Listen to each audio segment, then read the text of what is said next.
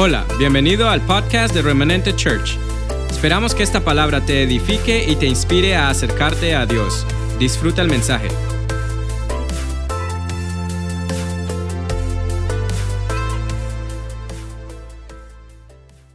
Iglesia, el Señor nos ha amado con amor eterno.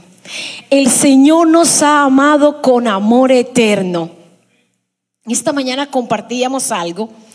Hace dos semanas el Señor me permitió compartir con ustedes acerca, a ver si en el chat se acuerda alguien de cómo se llamaba el título o los que están aquí. Te llamaron. ¿Se acuerda de esa enseñanza? Te llamaron. Iglesia, nos llamaron. Pero en esta mañana el Señor aparte de llamarnos, nos va a hablar de ese llamado. Así que yo quiero que en casa y aquí compartamos la palabra, aprendamos la palabra y se nos implante la palabra. Vamos a orar, Padre, yo te doy gracias, Señor, en esta mañana por cada familia conectada en el Facebook, por cada familia representada aquí en la iglesia. Señor, yo te doy gracias, Dios. Mire, acabo de recibir, hermano, un, mensaje por, por WhatsApp. Y es tan real, me lo acaba de enviar la hermana de alguien que está agonizando en Venezuela. Tiene sus pulmones colapsados. Y aquí está usted, y aquí estoy yo, y aquí están 33 familias conectadas, rodeadas del favor y de la misericordia de Dios.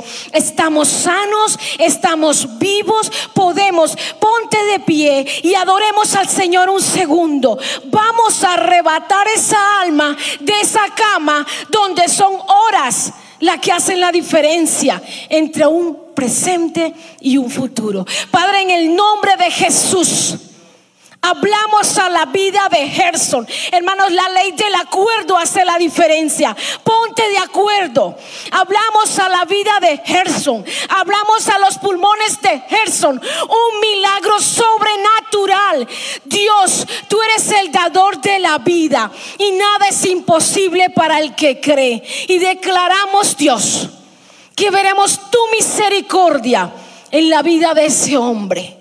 A ti sea toda la gloria en el nombre de Jesús. Amén. A esto está llamada la iglesia. A creer, a orar y a volver a creer. Se pueden sentar, hermanos. El título de la enseñanza de hoy se llama Y no lo encontró. Yo quiero ser encontrada, yo quiero ser hallada y yo sé que usted también. Pero hoy vamos a hablar de algo muy relevante. Si va conmigo, por favor, a Génesis 1. Génesis 1. Yo creo que agarré mi Biblia al revés. Usted no tiene ni idea lo nervioso que uno se pone estando aquí. Pero bueno, vamos a hacerlo bien en el nombre de Jesús. Amén. A ver, Génesis 1:11. Vamos a leer todos la bendita palabra del Señor en el nombre de Jesús. Y después dijo Dios, produzca la tierra hierba verde, hierba que dé semilla. Quédese usted con esta palabra, que dé semilla. Árbol de fruto que dé fruto según su género, que su semilla esté en él sobre la tierra y fue así. Ahí mismo en Génesis 3, 7. Y aquí en Génesis 1 el Señor creó los árboles. En Génesis 3, 7 dice, y entonces fueron abiertos los ojos de ambos y conocieron que estaban desnudos. Entonces cosieron hojas de higuera y se hicieron delantales. Hoy vamos a hablar de la higuera, de la higuera. ¿Por qué Dios, por qué Jesús maldijo la higuera? Escriba en el chat y aquí en la iglesia. Puede decirme, ¿por qué usted cree que Jesús maldijo la higuera?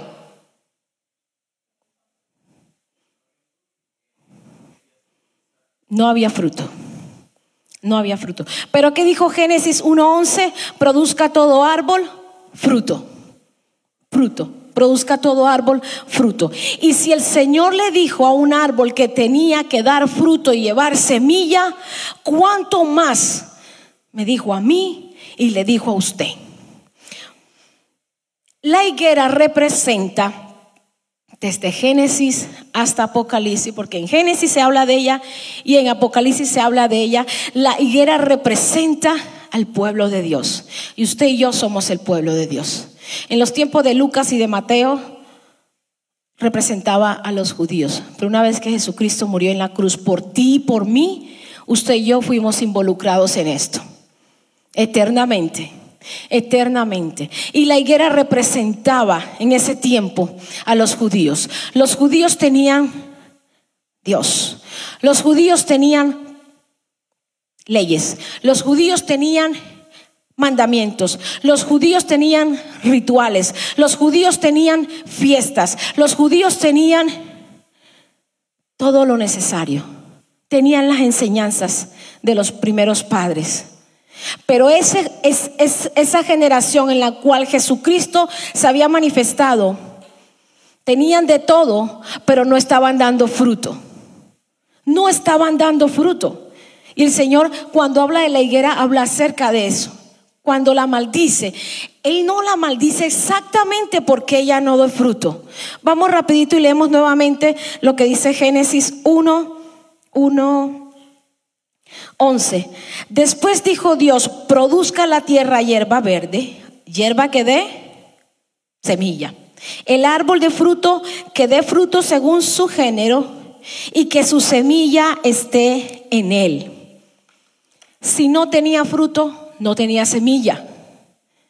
El Señor Jesús lo que estaba buscando era la semilla. Porque el fruto se come, se usa, se pudre, y no pasa nada.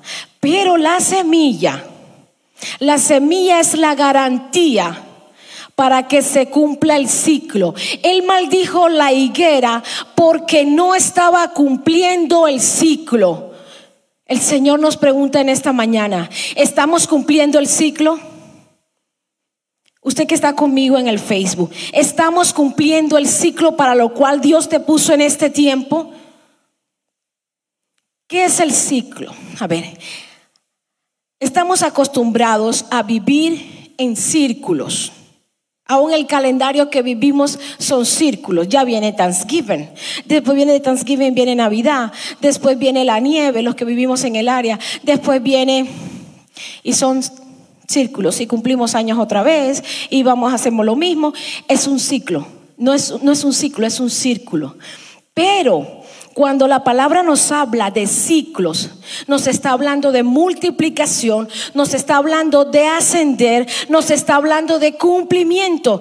Proverbios 4:18. ¿Quién se lo sabe de memoria que me lo pueda decir? Proverbios 4:18. El justo es como la aurora de la luz del día que va de ciclo en ciclo hasta que el día es perfecto. El, nos, tenemos muchos problemas, dejamos muchos círculos sin concluir y mucho menos cumplimos ciclos. La higuera estaba llamada a cumplir el ciclo de producir un fruto, pero que de ese fruto salieran semillas para que hubiese más higueras, para que hubiese más fruto, para que hubiese más semilla. Nada diferente es la iglesia de hoy. Nada diferente. Cuando, cuando yo analizo la vida en el Evangelio, o cuando analizo por qué hago esto, por qué tengo este estilo de vida, todos los que estamos aquí, todos los que podíamos estar haciendo cualquier otra cosa, pero hemos decidido tener este estilo de vida. Eliana, ¿ustedes son evangélicos de qué clase? Esa pregunta me la han hecho varias veces. ¿Cómo así que como somos evangélicos, de qué clase evangélicos son ustedes? Bueno, yo soy evangélica porque creo en los evangelios. Pues yo soy cristiana. porque creo en Cristo, Cristo me salvó, Cristo me llenó de su presencia y Cristo me ha llamado a predicar que Él murió por ti, por mí, que se fue a preparar un espacio para ti, para mí, pero que vuelve por su iglesia.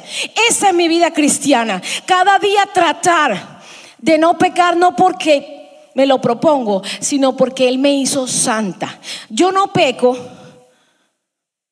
porque soy santa. Porque yo soy santa en Cristo Jesús, no debo pecar. Son círculos que hemos vivido por tiempos de tiempos. ¿Cuántas cosas hemos emprendido? ¿Cuántas relaciones hemos comenzado? ¿Cuántos negocios? ¿A cuántas iglesias hemos pertenecido? Y comenzamos ciclos y quedaron inconclusos. Y comenzamos círculos y quedaron inconclusos. Usted y yo estamos llamados a dar fruto, pero más allá del fruto, a dejar semillas. ¿Qué se va a decir de usted y de mí? No por quienes éramos, sino por haber sido cristianos el día que ya no estemos. El día que el Señor diga, devuélvame el aliento de vida que le di hace 90 años, 100 años, 30 años, 40 años, los años que Dios nos dé en la tierra. ¿Qué se va a decir de mí en la tierra? No por mi reputación, porque Eclesiastes dice, mire, mientras usted esté vivo, haga todo lo que le den a la mano por hacer.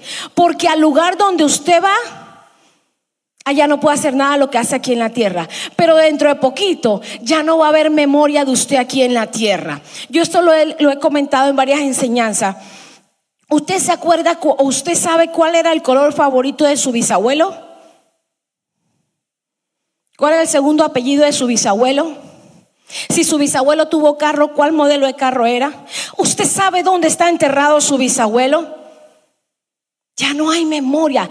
Usted y yo se van a olvidar de nosotros. La tierra no depende de las cosas buenas que usted haga. La tierra depende de los frutos que den semilla para que los ciclos sigan. La tierra depende. El evangelio no tiene abuelos, nietos.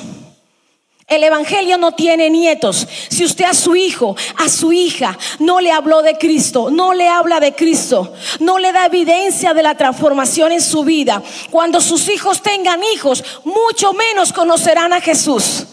Mucho menos conocerán que Cristo hace milagros, que Cristo restaura, que Cristo abre puertas que nadie puede abrir, que Cristo perdona, que Cristo depositó a través de su muerte, su resurrección, una fuerza intrínseca en Él, en ti, para que donde usted se pare se cambie el ambiente. Donde hay dolor, usted es la buena nueva, con un abrazo, con un mensaje, con un plato de sopa de pollo. Usted hace la diferencia. Usted y yo hacemos la diferencia. Tenemos que hacer lo que Dios nos llamó a hacer. Una de las palabras, a mí me confrontó muchísimo esta enseñanza. Yo quiero que usted sepa que antes de yo hacer el filtro hacia usted, Dios ya me habló a mí personalmente, hermana Eliana, y a mí nunca me habla el Señor. A todos nos habla el Señor. Una alabanza, una enseñanza, un libro, una escritura, una llamada y usted escucha de Dios. Confrontación. Todos necesitamos a alguien que nos confronte, no que nos busque la pelea. La confrontación es muy distante de la pelea. La confrontación de parte de Dios te pone en un lugar y te lleva a la luz de la palabra para que camines en el camino que te voy a mostrar y yo cuidaré que no te salgas de él. No importa los errores que hasta el 2020 usted y yo hayamos cometidos, los ciclos que comenzamos y no terminamos, las personas que les fallamos a las personas que engañamos, a las personas que mentimos. No importa, pero sí importa que a partir de esta mañana, a partir de hoy, que ya es una evidencia para usted y para mí, para los que están conectados, de que Dios nos está hablando, tenemos que llevar frutos que den semilla. Esta mañana yo le hablaba a los jóvenes que estaban, aunque usted no lo crea, la iglesia tenía bastantes jóvenes a las 9 de la mañana. Si a usted le gusta jugar soccer, si a usted le gusta jugar béisbol, lo que usted le guste hacer, asegúrese que lo que usted está haciendo lo hace con la excelencia y que lleve fruto, pero que ese fruto de semilla. Veíamos con Juan, Juan Carlos, estaba viéndolo y me, y me, puse a mirar con él en Netflix una especial que están dando o que ya dieron de, del Barcelona, el equipo de, de fútbol. Si juega el Barcelona, todo el mundo quiere ver. Aunque no le guste el Barcelona, usted mira qué es lo que está haciendo el Barcelona. Y yo miraba el técnico, la entrega, la excelencia de lo que él está haciendo, está dejando semillas. De lo que hicieron antes de él, dejó semillas para que él pueda. Él, él, tiene los recursos, los estadios, los jugadores, la expectativa, el tiempo y el don que Dios le dio. Es sobrenatural. ¿Cómo es que se llama el hombre? El director del Barcelona. Guardiola en ese entonces. ¿Y hoy? No se sabe. Bueno, el que estábamos viendo. Mire, es tan sobrenatural lo que este hombre hace para dibujar los movimientos de un partido de fútbol, que uno sabe que sabe que tiene que venir de parte de Dios. No es humano, es sobrenatural, pero a eso se le añadió la disciplina, la entrega y la pasión. Disciplina, entrega y pasión. Nada, ni iglesia, ni pastelería, ni negocio, ni el fútbol, ni, ni el hogar, si usted no le pone la pasión, la entrega, la dedicación. Y para ejemplo tenemos a Jesús. Él se quitó de la comodidad, él se quitó su corona y dijo, Señor, yo voy, yo voy por ella, yo voy por él a morir en la cruz para que en el 2020, si no están dando frutos, escuchen que es necesario dar frutos para que den semillas. Es necesario. Todos necesitamos ser confrontados. Igual con la hermana que me dice, no es una hermana, es una amiga. O sea, ustedes son evangélicos, protestantes, pentecostales, adventistas, ¿qué clase de evangélicos son ustedes? yo le dije, a, pentecostales. Yo, sí, nosotros somos pentecostales. Remanente, nosotros somos pentecostales. Oh, pero usted no se viste como se visten las pentecostales. No, espera, espera, espera, espera. La posición de un pensamiento dista mucho de la bendita palabra del Señor. Aquí somos pentecostales porque hablamos en lengua. Aquí somos pentecostales porque adoramos a nuestro Dios. Aquí somos pentecostales porque lo que acabamos de hacer por Gerson. Y yo sé que sé que sé que escucharemos reportes del milagro que Dios hizo en él en esta mañana. Eso es ser pentecostal. ¿Qué es ser pentecostal? Tener al Espíritu Santo de Dios que redarguye, que te enseña, que te ama Dos de la mañana nos acostamos a dormir. Le dije, Juanca, yo necesito levantarme temprano para terminar de, de organizarme con en la prédica. Mire, a las seis de la mañana, oh, me ha despertado algo así, como un, como, mamita, despiértese, sin sueño, con ganas. El Espíritu Santo te ama. Él gime por ti. Dígale, haga la prueba. Usted que está conmigo ahí. Ya van 45. ¿Les está gustando lo que estamos haciendo? Denle un aplauso al Señor. Haga la prueba en la mañana. Usted se acuesta y diga, Espíritu Santo de Dios, despiértame a tal hora. Amén. Y el Espíritu Santo le despierta, le provee, le ayuda, pero no lo usamos, no lo usamos. Y eso no estaba en las notas necesitamos ser confrontados. Contaba la historia esta mañana del rey David. rey David estaba sentado, estaba estrenando novia, estaba estrenando amante, estaba bien, estaba contento y llegó el profeta a la casa. Qué bueno es que todos tengamos a alguien que tenga depósito de Dios. David, te voy a contar una historia, amigo. Imagínate tú que hay un hombre bendecido, coronado de favor. Dios le ama. Su, trono, estaba hablando de él, pero después le cuenta, imagínate que allá me encontré con un señor que tenía una sola ovejita.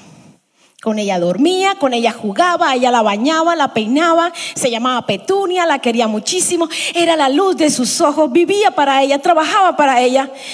Pero aquel hombre que Dios le había bendecido con todas las ovejas, con todo lo que quería, le quitó la ovejita, le quitó a Petunia. Y este hombre se murió. ¿Qué tú harías con él, David? Y le dice, eso está en segunda de Samuel 12, si no me equivoco, segunda de Samuel 14, por ahí. ¿Dónde está ese incircunciso? Porque lo voy a matar. Y le dice Jonathan, ese eres tú. Ese, el profeta confrontó a, a David, perdón, confrontó a David. Dios envía a alguien a confrontarte. Dios envía una alabanza, Dios envía una enseñanza por amor. El Señor confrontó a David por amor, porque si hubiese sido para castigarlo, en la mañana el hombre amanece dormido eternamente en la tierra. Dios no, necesita ayudantes para disciplinarte, no necesita ayudantes para disciplinarme. Romanos o, Hebreos 12, Romanos 12 creo. La palabra dice, ninguna disciplina en el momento nos gusta. Quítele a un niño un juguete para disciplinarlo a ver si le gusta. Ninguna disciplina en el momento parece fruto de gozo, pero con el tiempo da qué? ¿Qué dice la palabra? Un fruto apacible, da fruto. La disciplina de parte de Dios da fruto. Pero antes del Señor disciplinarnos, el Señor usa la confrontación. La confrontación para sacarnos de nuestra comodidad. La confrontación para sacarnos de la tierra que está alimentándonos y nosotros no le estamos devolviendo nada a la tierra. ¿Tengo semilla? ¿Tiene semilla? Hoy Dios nos está hablando. Ya el Señor en medio de una pandemia, no, mire, hablábamos esta mañana.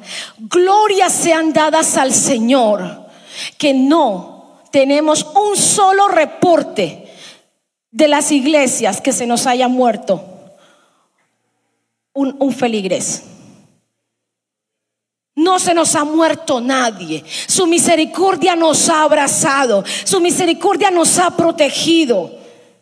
Si usted se ha acostado con hambre es porque no pidió ayuda. O yo sé que es muy difícil decir, no tengo para el mercado. Es muy difícil, la gente no lo va a decir. Entonces usted y yo tenemos que llamar a la gente, ¿cómo estás? ¿Necesitas algo? Si alguien de la congregación está teniendo necesidad de algo, es porque o no lo hemos sabido o no hemos llamado a preguntar. Si usted necesita ayuda, déjenos saber que como iglesia estamos dispuestos.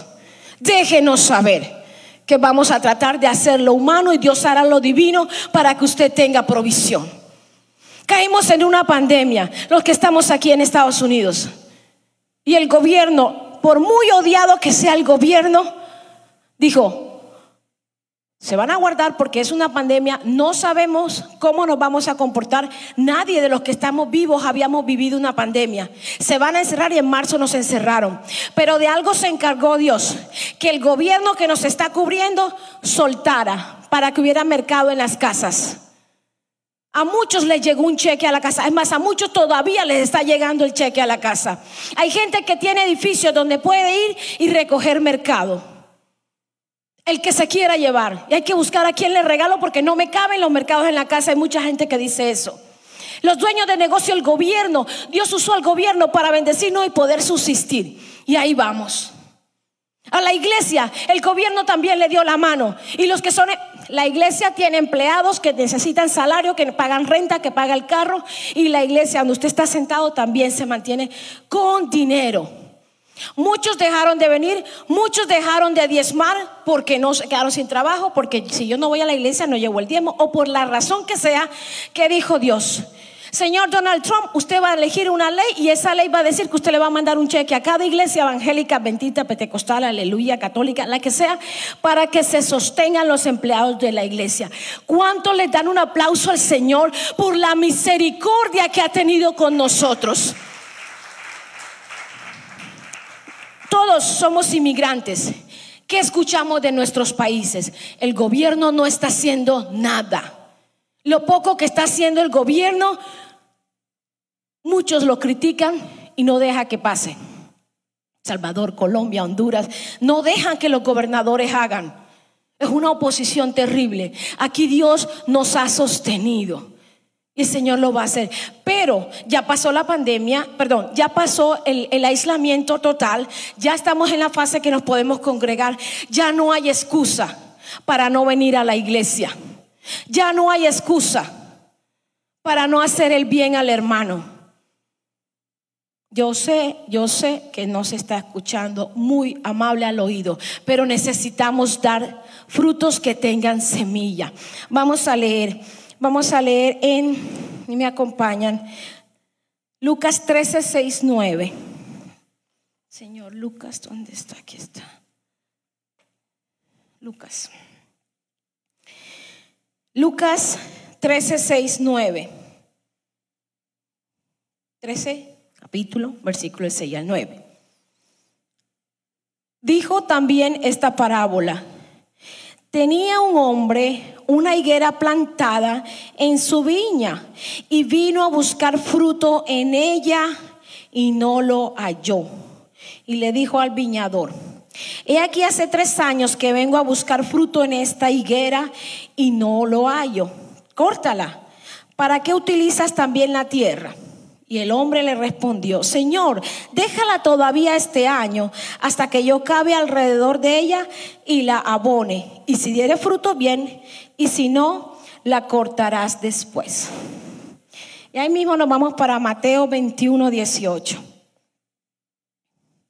Por la mañana, volviendo a la ciudad, tuvo hambre. Jesús tuvo hambre. Esta es la segunda vez y de pronto hay en otros versículos, pero es la segunda vez que yo encuentro esta frase. Jesús tuvo hambre. ¿Dónde más hemos leído que Jesús tuvo hambre? Cuando fue al pozo de la samaritana. Él dijo, me es necesario pasar por Samaria. Llegó a Samaria y llevaba a los apóstoles con él. Los apóstoles, el mismo Jesús, no iban a Samaria, no les era permitido ir a Samaria. Diez de las doce tribus de Judá, de, Israel, estaban ubicadas donde queda Samaria, eran idólatras, eran hechiceros, brujos, adoradores de Baal, no adoraban al Señor y dos eran adoradores de Dios. Por eso los, los apóstoles no pasaban por Samaria. Los apóstoles les parecía, y él dijo, pero me es necesario. Y cuando él llega a Samaria, dice, tengo hambre, vayan a buscar el almuerzo. ¿Sería que Jesucristo no podía satisfacerse el hambre? No, él sí podía hacerlo, pero a él le estorbaba la posición, el pensamiento, las ideas, la agenda, la religión de los apóstoles. Los apóstoles decían, no puedes hablar con una mujer, no puedes hablar al mediodía tú solo con ella, no puedes ir a Samaria, no puedes adorar aquí. Todo eso no puede. La, la comunidad, las estadísticas nosotros mismos nos decimos muchas, muchas veces en nuestra mente, no se puede y no se puede. iglesia, sí se puede. Familia que me escuchas, sí se puede. Se puede en Dios, se puede. La humanidad, mire, cuando en Génesis Dios le hizo a usted, lo hizo con un potencial. ¿Cuál es la diferencia entre el que él creó el iPhone, Steve Jobs? Y usted y yo, físicamente hablando. Él no tenía tres ojos, no tenía cuatro orejas, no tenía dos cabezas y no tenía cinco corazones. Él fue exactamente hecho como usted y como yo. Pero a él se le dio una misión por hacer y la hizo. Por eso están estas 40 personas conectadas alrededor del mundo escuchando y por eso usted y yo nos alimentamos en una pandemia de la palabra. Porque un hombre dijo, y ya él se murió, pero esta es su semilla. Ahí el teléfono que usted tiene es la semilla de alguien que obedeció a Dios. Por eso no es específicamente esta palabra solamente para hacer cosas en la iglesia. La iglesia se encerró en un edificio a cantar aleluya, gloria a Dios y se nos ha olvidado que allá afuera hay mucho por hacer. En los deportes, en la ciencia, en la música, en la belleza, en todo, toda la creación le pertenece a los hijos de Dios, no solo lo que pasa en la iglesia. Steve Jobs decidió obedecer. Cometió errores muchísimos. Quien no comete, quien no comete errores no intenta nada. ¿Para qué lo voy a hacer si me equivoco?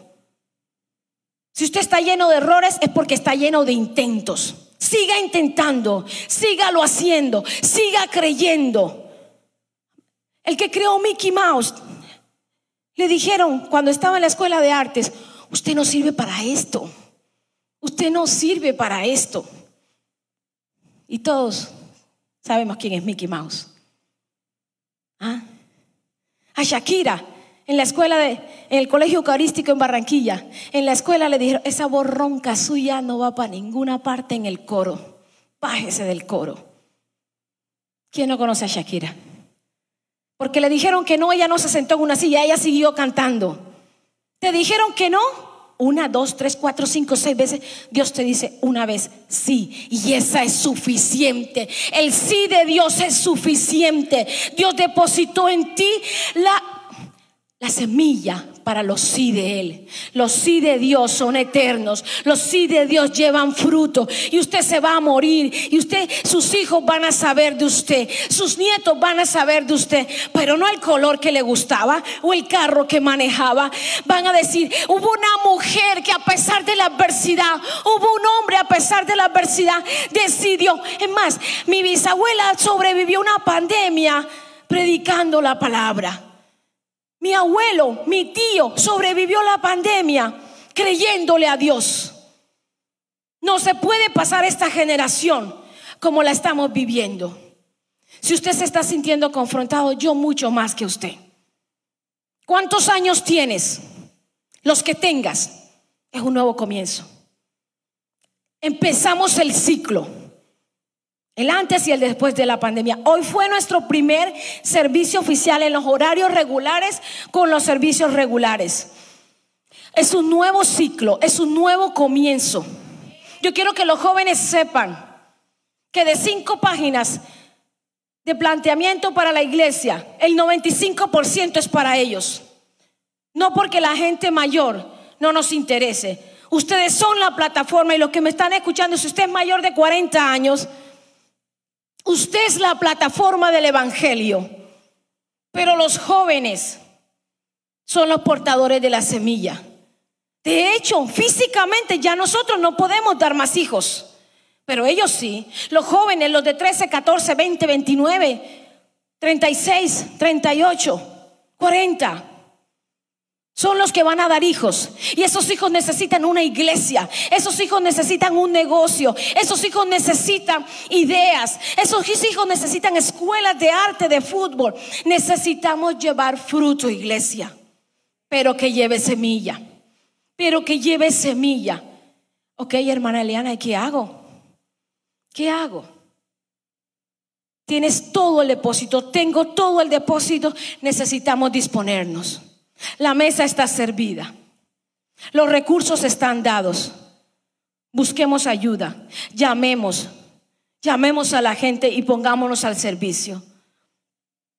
Desde siempre, desde siempre, Dios dijo algo acerca de ti y de mí. Y con esto, yo no sé con cuánto tiempo llevo. ¿Estoy bien de tiempo?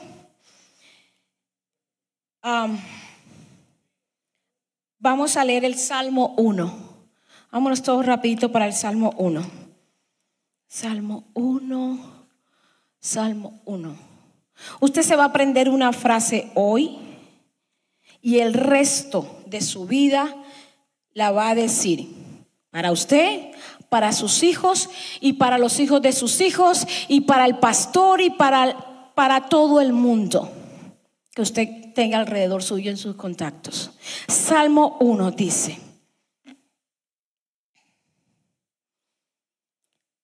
Bienaventurado, bendecido, rodeado de favor y gracia, el hombre que no anduvo en consejos de malos, ni estuvo en camino de pecadores, ni en silla de los que señalan, de los que murmuran, de los que hacen guerrilla, se han sentado, sino que en la ley de Jehová está su delicia. ¿Cuál es la ley de Jehová? Que llevemos fruto y llevemos semilla. Lo dice Génesis 1:11. Y dijo Dios, todo lo que él creó era bueno.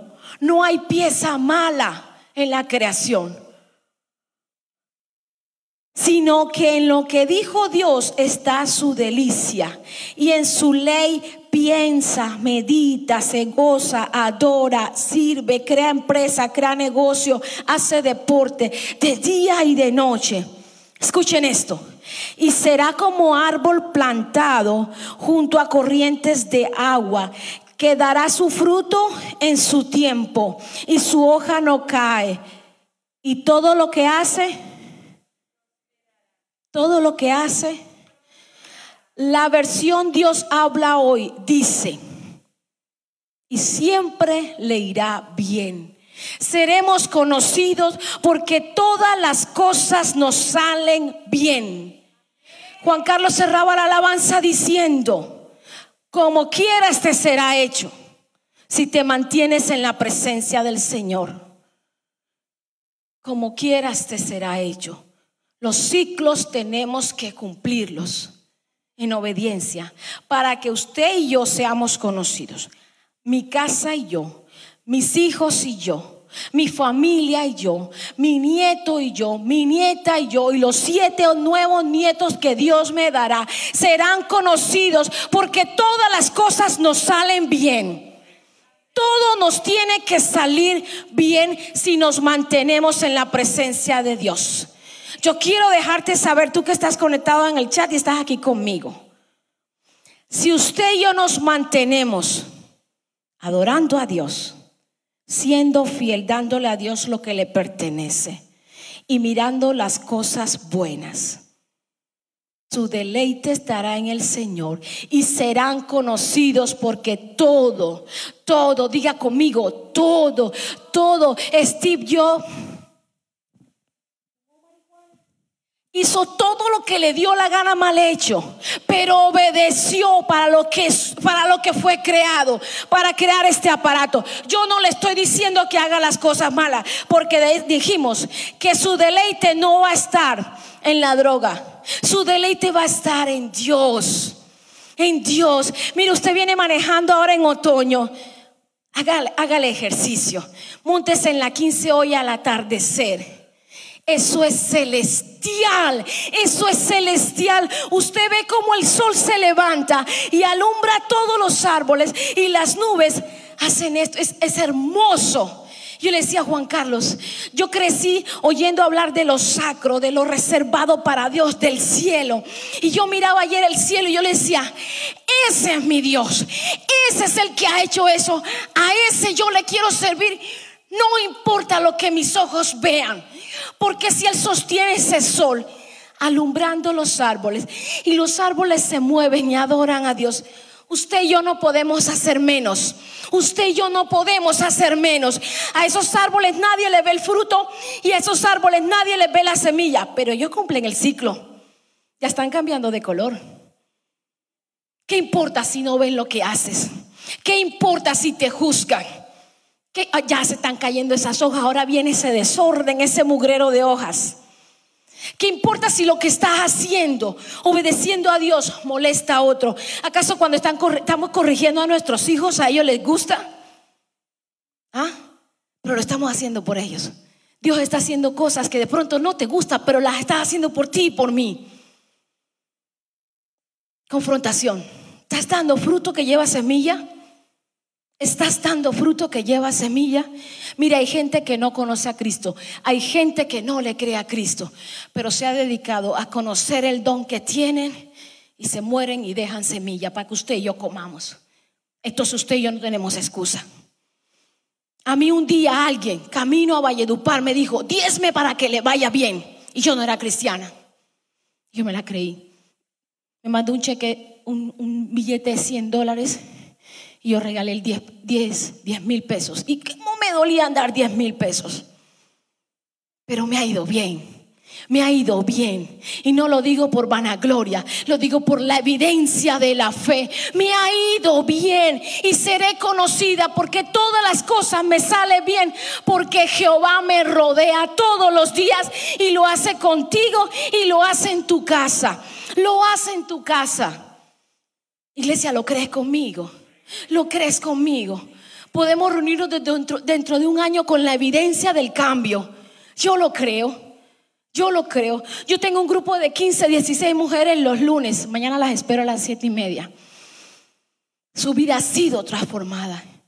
Conocemos a alguien que llegó como si tuviera un luto. Una señora así, toda, así, toda, ser una bola de dolor. Ella está conectada y me está mirando. Pero aún en medio del dolor de su vida, hace dos, tres meses, o sea, cinco meses me reuní con su hija. Una nena que dice, yo no sé de dónde soy, yo soy de Guatemala, mi mamá es El Salvador, mi papá es español, pero me crié en Estados Unidos. Entonces ella ya sabe, lo dije para que ella sepa que estoy hablando de ella. Pero esa hija de ella hablaba del Señor con una delicia, con una propiedad, con una autoridad. Wow, aún en medio de todo el dolor de esa madre, aquí hay semilla. Aunque te duela, tienes que llevar fruto y dar semilla. Aún te estén juzgando, aún tengas a un familiar en el lecho de muerte, tiene que dar semilla. Tienes que dar fruto. Tienes que dar fruto. La vigilante de la puerta de la clínica donde mi mamá murió, Dios mío, esa señora ruda, pero es que su posición le hace ser así. Eso para que lo dejara entrar a uno había que rogarle. Ruda la mujer. Y eso yo venía y no hallaba dónde ponerla, no hallaba qué decirle. Mi mamá murió.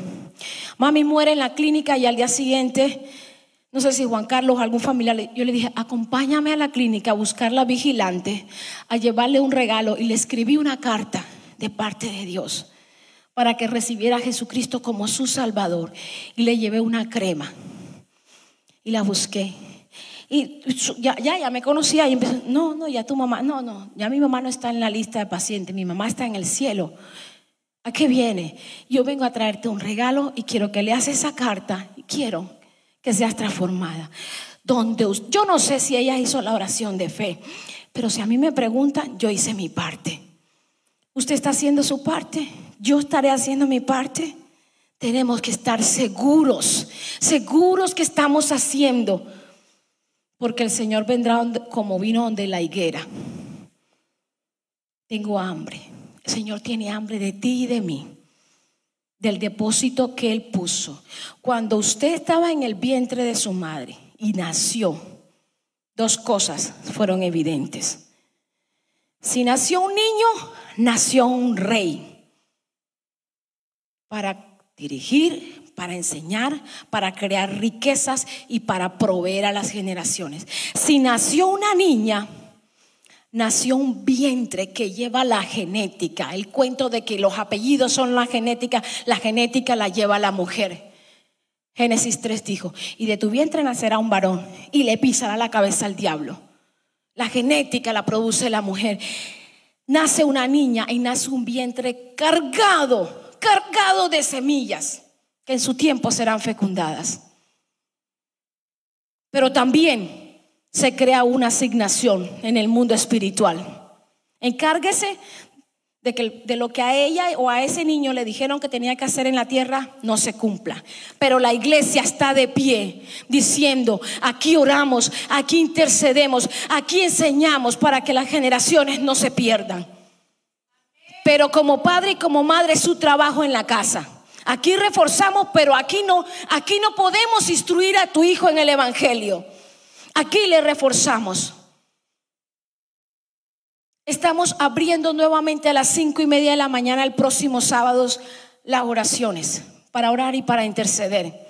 Yo le voy a pedir el favor a los hombres que vengan, que vengan Usted es un rey, usted tiene que defender su territorio. Aquí por muchos años, tres mujeres venían solas, con una oscuridad del invierno, y ustedes los hombres que me escuchan, que viven aquí, saben la oscuridad del invierno. Y se parqueaban tres mujeres solas a estar en un edificio tan grande, en medio de un lugar donde no vive nadie, a orar por usted mientras usted dormía. Es hora de llevar fruto. Necesitamos que los hombres vengan en la madrugada y si no quiere entrar a orar, al menos nos acompañe cuidando el parqueo. I'm sorry, pero necesitamos que el hombre se manifieste como rey. A mí me da miedo, no porque no tenga fe, pero la fe no es ciega. En esa área tenemos que ser prudentes. Y así muchas cosas. Vamos a empezar a hacer muchas cosas a nivel de iglesia, pero necesitamos contar con el depósito y las semillas que Dios puso en usted. Amén, iglesias. Amén. ¿Por qué seremos conocidos? Porque todas las cosas nos salen bien. Dígalo hasta el perro de su casa. Todo te saldrá bien. Todo le saldrá bien. No le diga al niño cabezón. Igualito a la tía. Igualito. Idéntico a la abuela. No diga eso. Diga, todas las cosas te saldrán bien. ¿Dónde dice eso?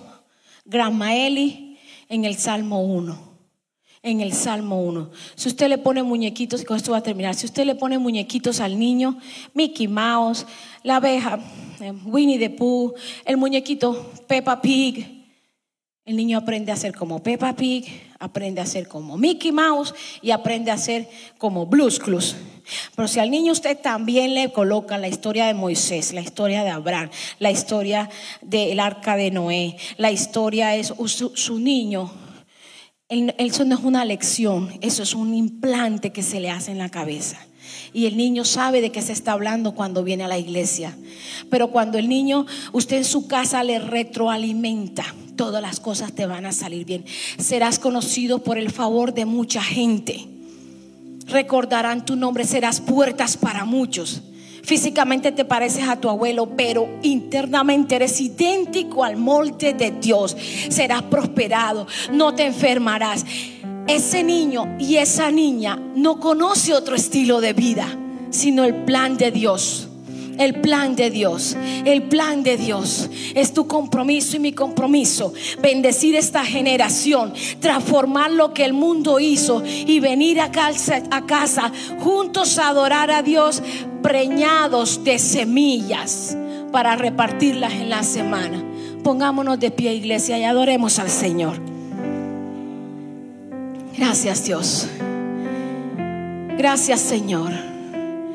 Gracias Espíritu Santo por tu presencia, por esta mañana. Gracias Jesús. Gracias Dios. Iglesia, asegúrate que quien pase por tu casa, quien, quien pase por tu lado, que el que pase por tu iglesia, que el que pase al lado tuyo, de hoy en adelante, no pase sin ser impactado, restaurado y mejor de cómo llegó a tu vida. Es necesario la evidencia de la santidad, la evidencia de los dones del Espíritu Santo. Es necesario, es necesario, pero es más necesario creérnosla. Créalo conmigo, yo lo creo con usted. Todas las cosas nos saldrán bien para adorar a nuestro Dios. Amén. Padre, yo bendigo tu casa, yo bendigo tu iglesia. Padre, yo bendigo a cada familia que está aquí conectada, Señor. Y yo declaro que escucharemos milagros, Dios, milagros de que tu palabra es evidente en nuestra vida y todas las cosas nos salen bien. La casa remanente bendice tu familia, la casa remanente bendice tu negocio, la casa remanente bendice los sueños de Dios que tiene tienes. La casa remanente bendice el don de Dios que hay en ti. Feliz semana, iglesia. Les amamos. Esperamos que este mensaje haya sido de bendición. No te olvides de suscribirte a nuestro podcast y seguirnos en Facebook e Instagram arroba remanente church.